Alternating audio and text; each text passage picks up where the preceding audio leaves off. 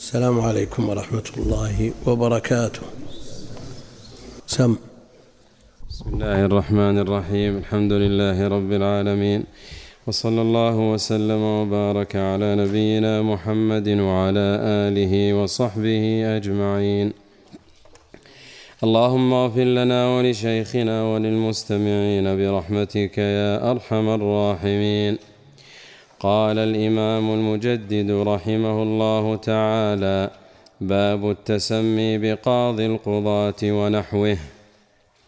في الصحيح عن أبي هريرة رضي الله عنه عن النبي صلى الله عليه وسلم قال إن أخنع اسم عند الله رجل تسمى ملك الأملاك لا مالك إلا الله.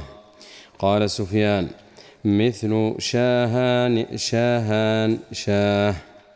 وفي رواية اغيض رجل على الله يوم القيامة وأخبثه.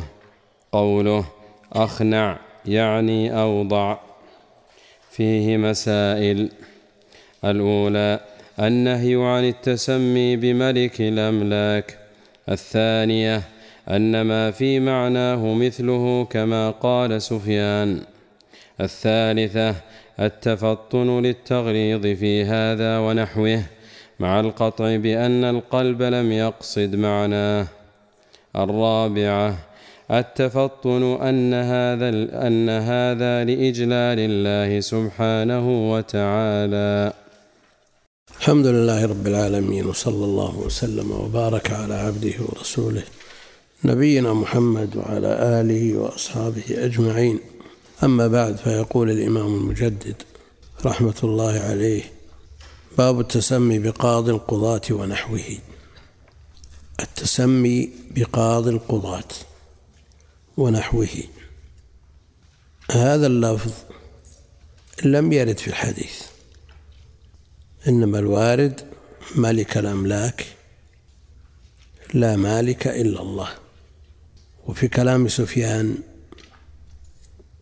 قياس أو ترجمة بالفارسية مثل شاهان شاه و قيس عليه أشياء تدل على أن المتسمي أو المسمى مع الرضا بهذه الأمور قاضي القضاة يعني الحاكم على الحكام والحكم كله لله. فالحكام الذي يحكم عليهم ويحكم بينهم هو الله جل وعلا. وملك الأملاك مثله. فما يدل على التفرد هذا لله جل وعلا. لأن ال في القضاة والأملاك كلها جنسية وتفيد العموم. والذي وضع نفسه على هؤلاء أو وضع له ورضي به كان مقدما وسيدا وحاكما على هؤلاء كلهم. وهذا لا يكون إلا لله جل وعلا. لا مالك إلا الله. كما جاء في الحديث. في الصحيح تسمي بقاضي القضاة ومع الأسف أنه سمي به. كثير في تاريخ المسلمين من سمي بقاضي القضاة. والذي يغلب على الظن المراد بقاضيهم رئيسهم وكبيرهم. يعني إذا قيل رئيس القضاة ما فيه إشكال. ها؟ أما لا هو الكلام على العموم لأن الجنسية فلو حصل التقييد انتفى الجنس. في قطر في مصر في فئة في مذهب في كذا ما في إشكال. مع أن الابتعاد عن هذه الأمور التي تزيد الإنسان عجبا وفخرا وتدخل في نفسه من الرياء ما لا يستطاع دفعه أحيانا. هذا خلاف ما طلب من المسلم من التواضع والاستكانة وهضم النفس. أنا أدركت علماء لا يرضى أن يقال له شيخ. الشيخ فلان ما يرضى. يقول أنا فلان. ما يرضون. واستدرجنا بالمخالطة لأنه جاءنا من إخواننا الوافدين من استمروا هذه الأمور ومشوا عليها فصار المسألة سهلة. مسألة شيخ وما شيخ هذه أمرها هين عندهم. ثم جاءت هذه الشهادات فزادت الناس. عجبا وكبرا. لا سيما أن بعض من يحملها نياتهم مدخولة. وإذا دخلت النية ساء العمل يسوء العمل. وأنا حضرت مجلس دخل فيه عالم من علماء الأقطار والذي معه يعرف به هذا العلامة فلان المتخصص في كذا ولا يفوقه إلا فلان في هذا العلم. ماذا قال؟ قال فلان لا يعرف الحديث. إيش معناها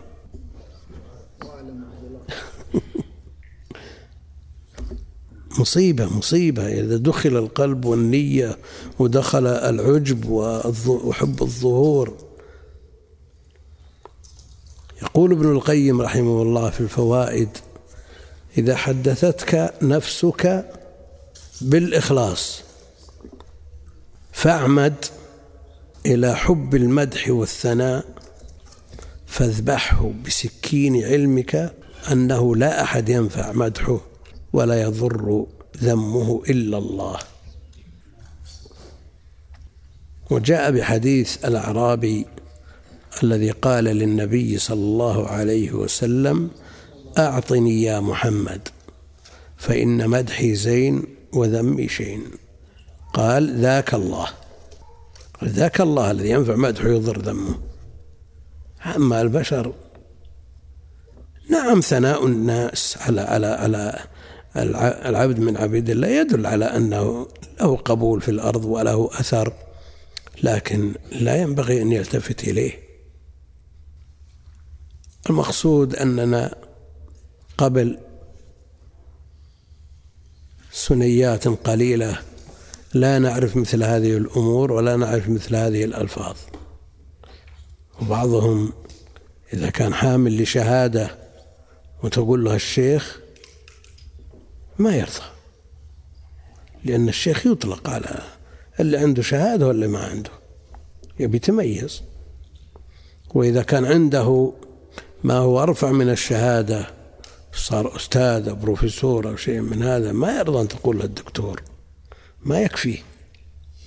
كل هذا من ما يدل على أن النيات فيها دخل فيها دخل. حتى وصل الأمر بنا أن شخصا قدم لإلقاء محاضرة. وهذا شيء محزن جدا.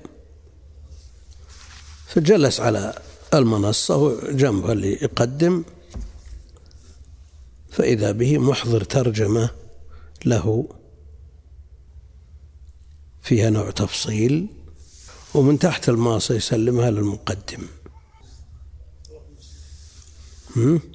فقرأها المقدم ثم التفت إلي سامحك الله يا أخي.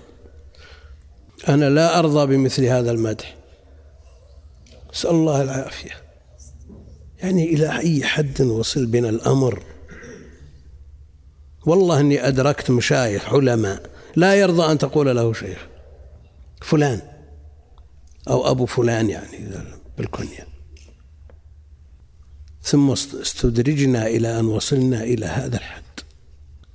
وهذا مما يبعث الرياء والعجب والكبر قد يقول قائل أن الأمة في عصورها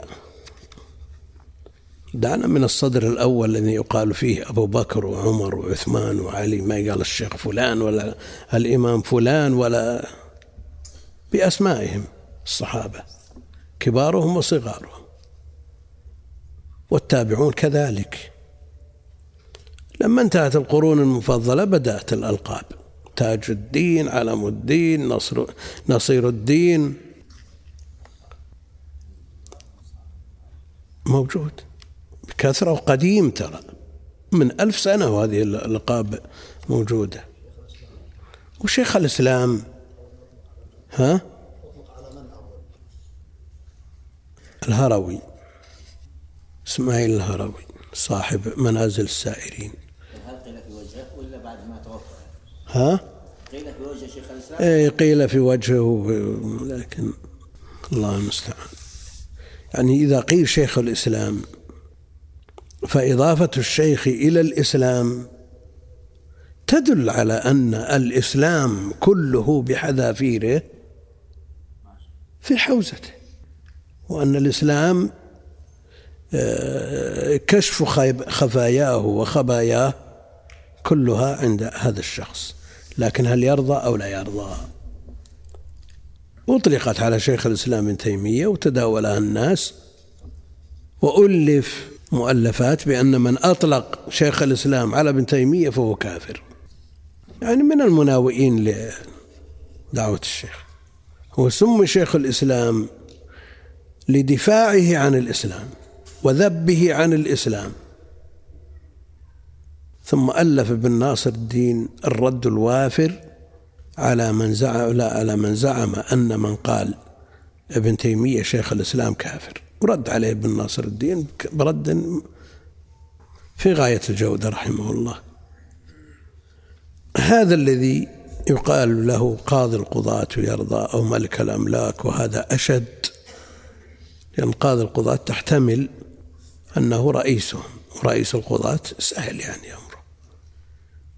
كل طائفة لها رئيس يرجعون إليه في ما يشكل عليهم. فهو رئيسهم من هذه الحيثية وإذا كان المراد بقاضي القضاة هذا المعنى فالأمر فيه أخف. ها؟ والله يتجاوز فيه إذا كان هذا القصد وهذا المشهور والمتداول وهو الاسم العرفي لهذا هذا أمر سهل يعني لكن قال قاضي القضاة في المملكة قاضي القضاة في اليمن قاضي القضاة في مصر إيش المانع؟ إحنا قايلين في مانع. مو بسأل عنه الأخ وقلت ما يخالف؟ لا ما هو بذا اللي قبله واحد سأل قبل. أنت شوف الجواب شوف الجواب. ما سمعت الجواب. اي أنت لكنك تستعجل يا أبا رضوان. تستعجل أنت. ولا سأل إذا قال في في عصر ولا في مصر ولا في شيء. الكلام على ال الجنسية. التي تشمل جميع من اتصف بهذا الوصف. إيه. في الصحيح هذا اصطلاح عند أهل العلم إما أن يراد به الحديث الصحيح أو الصحيح المتفق على صحته كالبخاري ومسلم ويشمل الصحيحين. عن أبي هريرة رضي الله عنه عن النبي صلى الله عليه وسلم قال إن اخنع اسم عند الله رجل تسمى ملك الأملاك لا مالك إلا الله. اخنع أوضع وأحقر أوضع وأحقر عند الله. يعني إن, إن, إن تعاظم في نفسه أو تعاظم بين قومه وعشيرته بهذا الاسم فهو عند الله أخنع وأحقر. وأذل وأوضع. النبي عليه الصلاة والسلام في أشرف المواقف. سمي بعبد الله. سبحان الذي أسرى بعبده. لما قام عبد الله يدعوه. هذا العبودية والتذلل والخضوع والخشوع لله جل وعلا. هذا أشرف الأسماء. وسماه به جل وعلا في أعز وأشرف المواقف. إن إن أخنع اسم عند الله رجل تسمى يعني تسمى سمى نفسه أو سمي به فقبله. ملك الأملاك. لا مالك إلا الله. ملك الأملاك. لا مالك إلا الله. الملك الحقيقي لله جل وعلا. بدليل أن هؤلاء الملوك مهما عظم شأنهم وكثر أتباعهم واتسعت رقاع بلدانهم في لحظة في لحظة ينزع الملك منه. تؤتي الملك من تشاء وتنزع الملك ممن تشاء. وفي بلاد الأندلس حصل للملوك من الذل ما لم يحصل نظيره في التاريخ والله أعلم. في قصيدة أبي البقاء الرندي وهو يرث الأندلس بينهم ملوك في أسرتهم وهم واليوم هم في بلاد الكفر في ديا في بيوت الكفر عبدان. يستخدمون عبيد. عند من؟ عند النصارى. كانوا ملوك. الملك ملك الدنيا إذا لم يستخدم ويسخر لخدمة الدين وأهل الدين. ويعرف الإنسان قدر نفسه فيه ويتواضع لله. هذا مآله إلى الزوال. مآله إلى الزوال. لا مالك إلا الله. الله جل وعلا في الفاتحة يقول الحمد لله رب العالمين. إيش؟ الرحمن الرحيم. مالك يوم الدين. والقراءة الأخرى ملك. ملك. والفرق بينهما أن مالك أعم من ملك من وجه وأخص من وجه. فالمالك يملك في الأمور الخاصة ويتصرف تصرف مطلق المالك. والملك في الأمور العامة لكن تصرفه في الأمور الخاصة لا يملكها إلا بالظلم. يعني هل يستطيع ملك من الملوك أن يخرج فلان من داره ويبيعها بدون بدون سبب؟ لا يجوز. فهو ملك لا مالك والمالك يتصرف فيما تحت يده. وليس بمالك.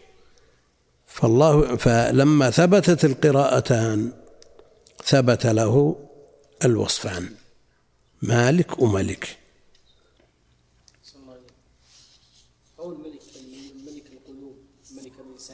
هذا لا يملكها إلا الله ما يجوز. لا يملكها إلا الله. لا مالك إلا الله. والحصر هنا يراد به ملك الملك الحقيقي الذي يكون له فيه التصرف المطلق. لا الملك الإضافي لا الملك الإضافي. الملك الإضافي قد يملك الإنسان الدراهم والدنانير ويكون ملكه لها إضافي وليس بحقيقي. والملك حقيقته لله جل وعلا. إن الملك إلا لله. و وآتوهم من مال الله الذي آتاكم. فالمال لله. ملك هذه الأموال كلها لله جل وعلا. وما يملكه الناس مما في أيديهم إنما هم مؤتمنون عليه. وإذا أعطوا من هذا المال فالمعطي حقيقة هو الله. وإذا منعوا فالمانع حقيقة هو الله. قال سفيان مثل شهان شاه. شاه مفرد وشاهان جمع وطريقة الأعاجم في الإضافة أنهم يقدمون المضاف إليه على المضاف ها؟ هذا شاهان شاه ملك الملوك عندهم وقاضي القضاة ترجمته عندهم ها أبو رضوان قاضي القضاة إيش ترجمته عند العجم؟ شو ما تعرف؟ ما أنت بتقول قاضي القضاة في اليمن كنك تأهل نفسك ولا؟ بس ما تعلمت اللغة العثمانية ولا اللغة الإنجليزية ما تعلمت. ما ادري إيش عندي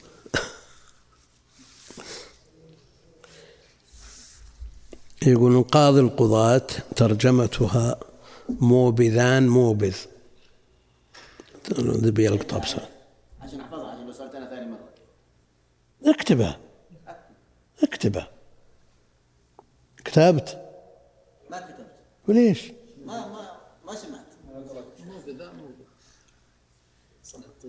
علمه.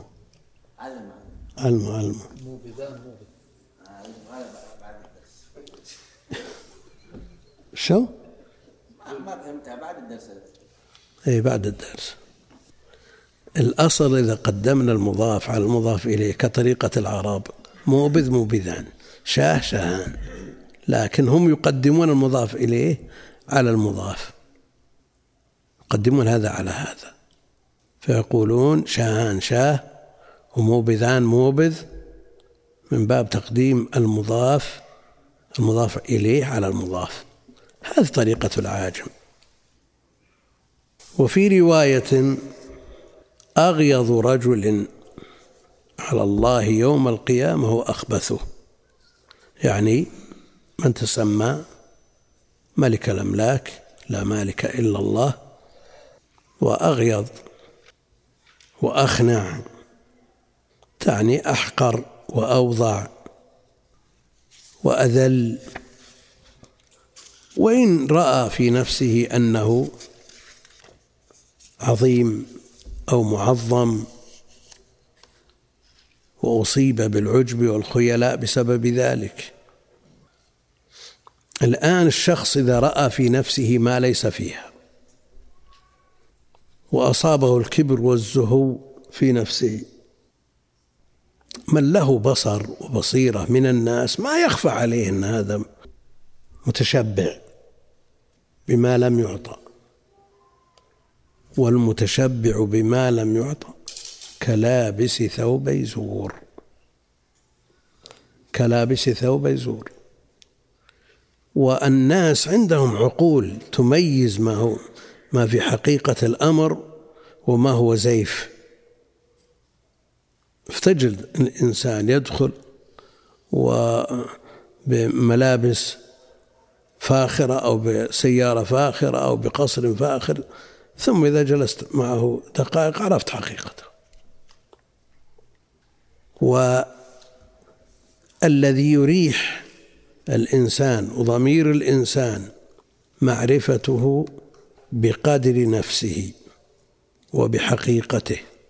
لا يتعب ولا يتعب هذا. لكن إذا كان من أهل الدعاوى العريضة ثم بعد ذلك اكتشف في موقف أو في مكان أو في حال لا ينزل درجة واحدة عند الناس.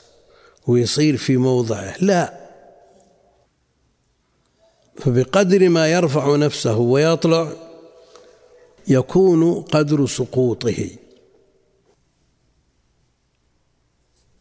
يقول تواضع تكن كالنجم لاح لناظر على صفحات الماء وهو رفيع ولا تك كالدخان يعلو بنفسه.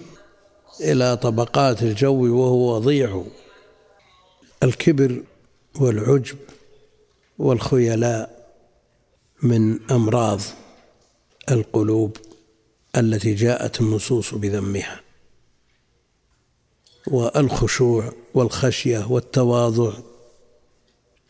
وصف عباد الرحمن الذين يمشون على الأرض هونا. وفرق بين هذا وذاك. والعجب فاحذره يقول الناظم رحمه الله. والعجب فاحذره إن العجب مجترف أعمال صاحبه في سيله العارم. في سيله العارم. فعلى الإنسان أن يحرص وإن كانت هذه من الأمور الصعبة على النفوس وإذا استحكمت في القلوب استحكمت في القلوب صعب علاجها. صعب علاجها. ولذا مما يوصى به طالب العلم أن يديم النظر في كتاب الله وأن يقرأه على الوجه المأمور به ففيه العلاج. ثم يقرأ في كتب العلماء الراسخين المحققين في هذا الباب كابن القيم وابن رجب وغيرهما ممن له عناية بأمراض القلوب وعلاجها.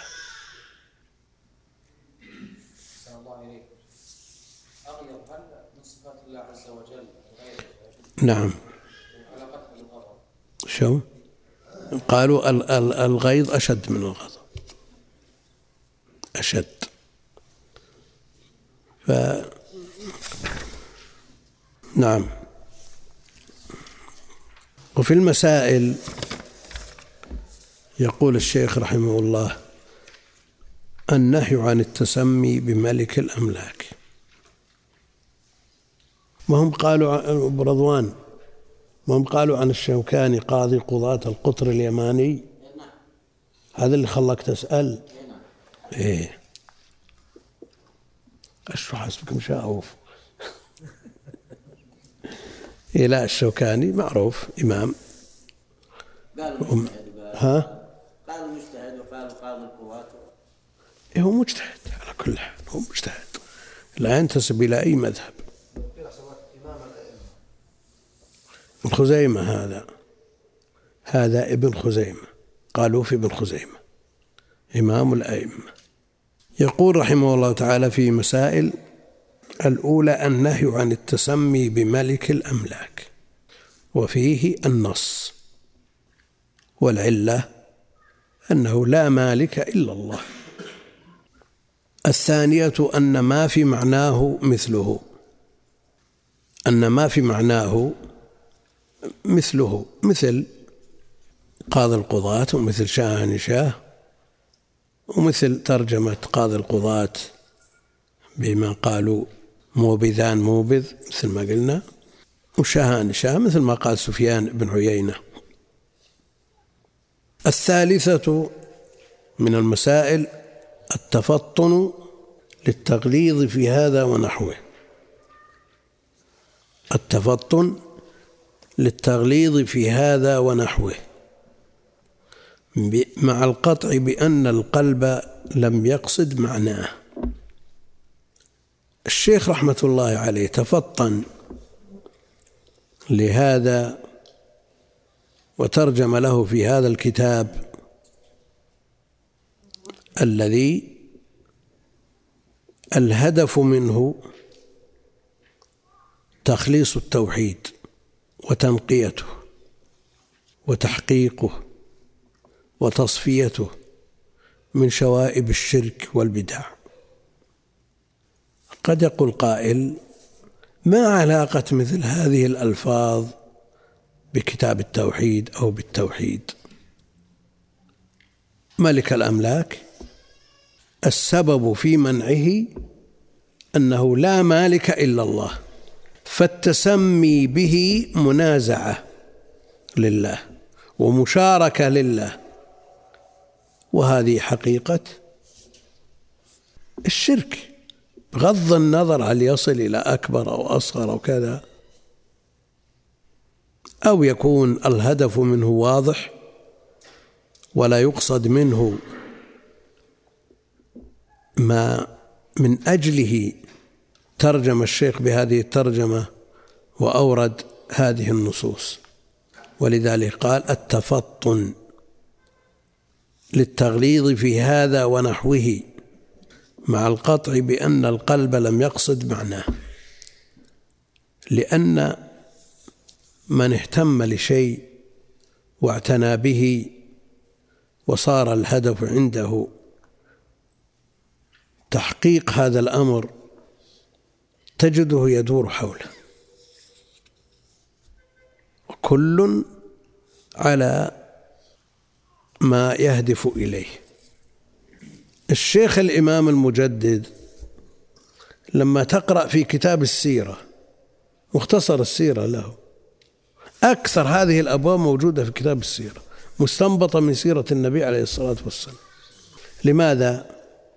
لأن التوحيد وتحقيق التوحيد هاجس عند الشيخ شيخ الإسلام واهتمامه بالعقائد وتصفيتها والرد على المناوئين تجده يبحث في مسألة فقهية مثلا. ثم في ثنايا الجواب تجد ما يهدف إليه الشيخ مرموز إليه بإشارة أو باستطراد. وكل إنسان همه تجده تجد أثره في إنتاجه. تجد أثر أثر الهم الذي يحمله في نتاجه. الواعظ إذا ألف في التفسير. ظهر ظهر أثر الوعظ المهتم بالعقائد إذا ألف في التفسير ظهر ذلك في تفسيره. اللغوي إذا ألف في التفسير ظهر أثر ذلك في تفسيره. ولذلك تجدون كتب التفاسير مشارب. بعض كتب التفسير تتعلم النحو منها. كتفسير أبي حيان مثلا. بعض كتب التفسير تجد فيها العقائد الموافقة والمخالفة. تجد آه، أصول البدع ومسائل الابتداع تجدها فيه مثل الرازي مثلا. تقرأ المسائل العقدية للأشاعرة والجبرية. في تفسير الرازي أوضح مما كتب في الكتب المتخصصة وأكثر بسط. وتقرأ في تفسير القرطبي مثلا في المسائل الفقهية مما هو أكثر بسطا منه في كتب الفقه. كل واهتمامه. يظهر أثر هذا الاهتمام في الإنتاج. حافظ ابن كثير نفسه في تفسيره مثل القرطبي أو أبي حيان أو لا يختلف اختلاف. كبير الزمخشري. هو من أئمة المعتزلة تجد مسائل الاعتزال موجودة. صحيح أنه تنبه لأمور ومن أجل ألا يهجر الكتاب بحث المسائل الاعتزال بنوع خفاء. بنوع خفاء. مما جعل من أراد الرد عليه في هذا الباب يستخرج هذه المسائل كما قال بالمناقيش. بالمناقيش. استخرجوها وردوا عليها. ولا الرازي واضح مكشوف. ويبحث المسائل باستفاضة ويطيل فيها. أما الزمخشري ففيه نوع خفاء. والردود عليه كثيرة في الحواشي وغيرها. كتب متخصصة في الرد وكشف اعتزاليات الزمخشري.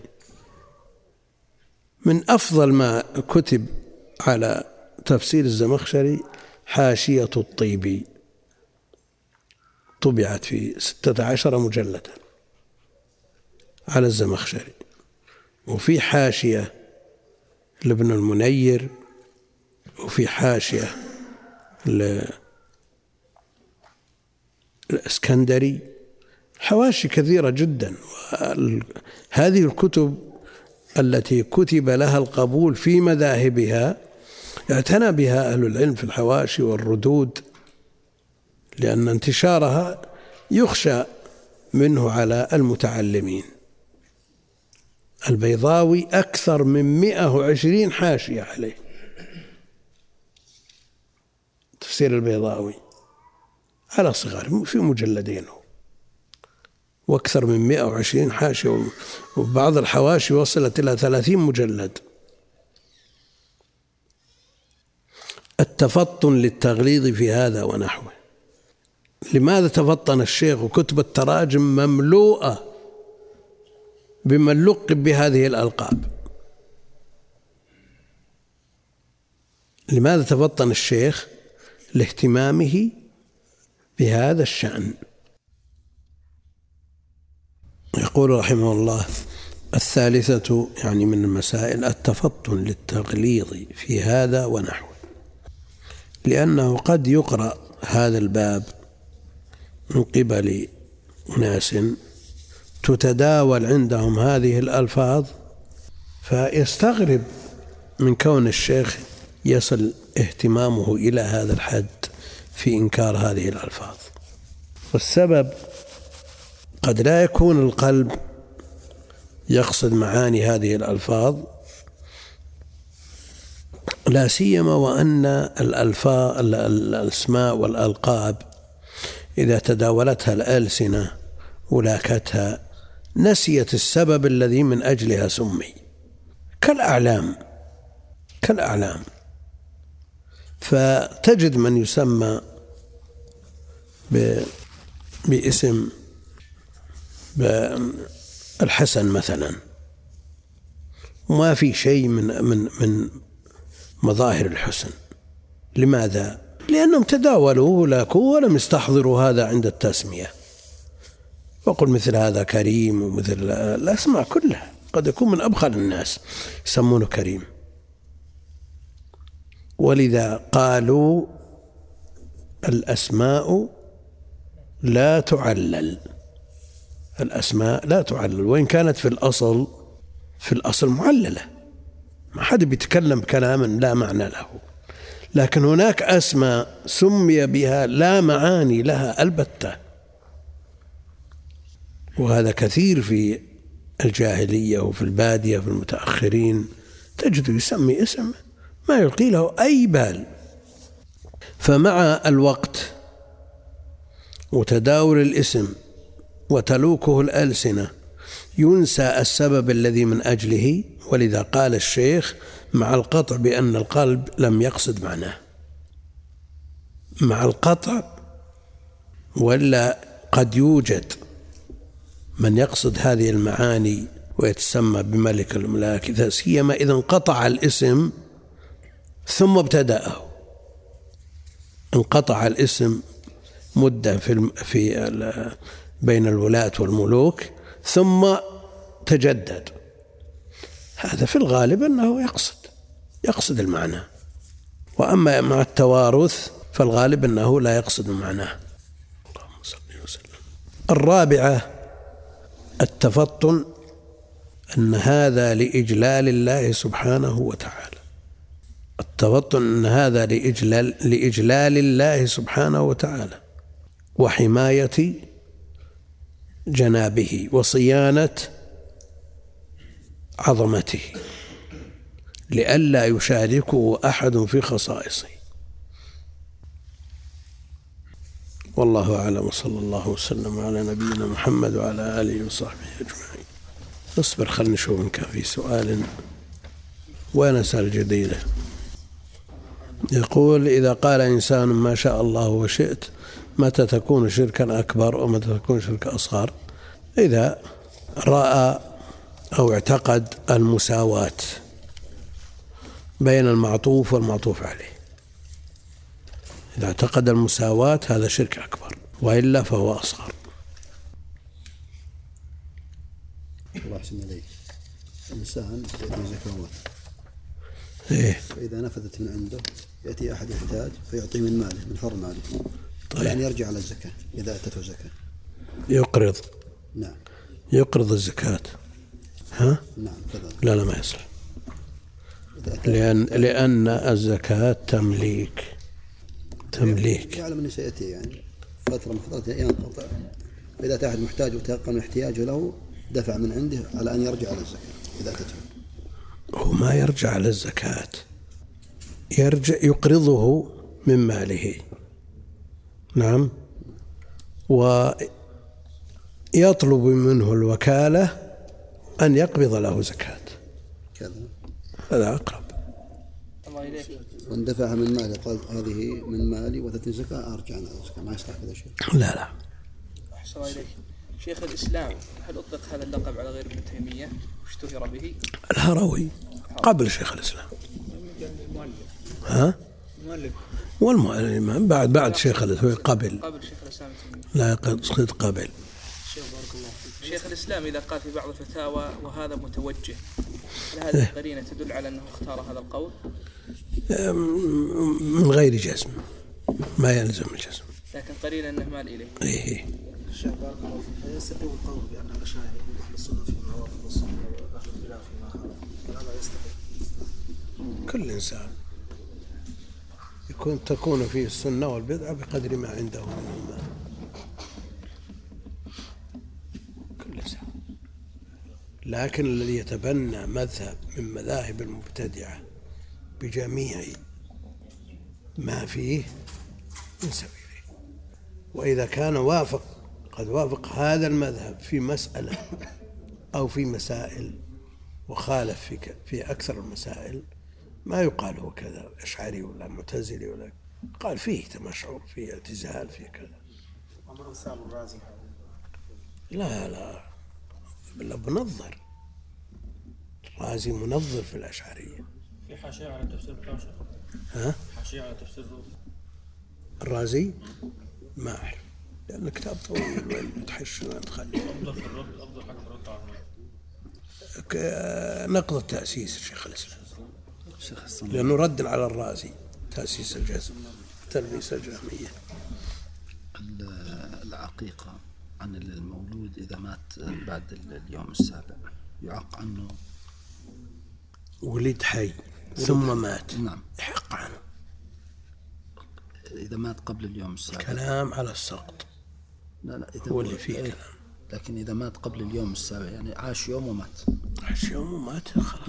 يق- يعق عنه. يحق عنه. صلى الله عليك. الاغتسال هل ورد نص في الاغتسال من الحجامة؟ لا.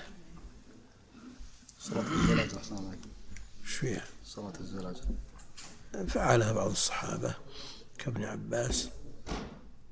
يصلونها مثل صلاة الكسوف. يصليها إلى المصر اللي وقع عليهم الزلزال أم جميع المسلمين؟ لا كالكسوف. كالكسوف. سواء قول ما شاء الله اذا كان يقصد المساواة؟ شركة. أي شرك أكبر بلا شك. وإذا كان يقصد.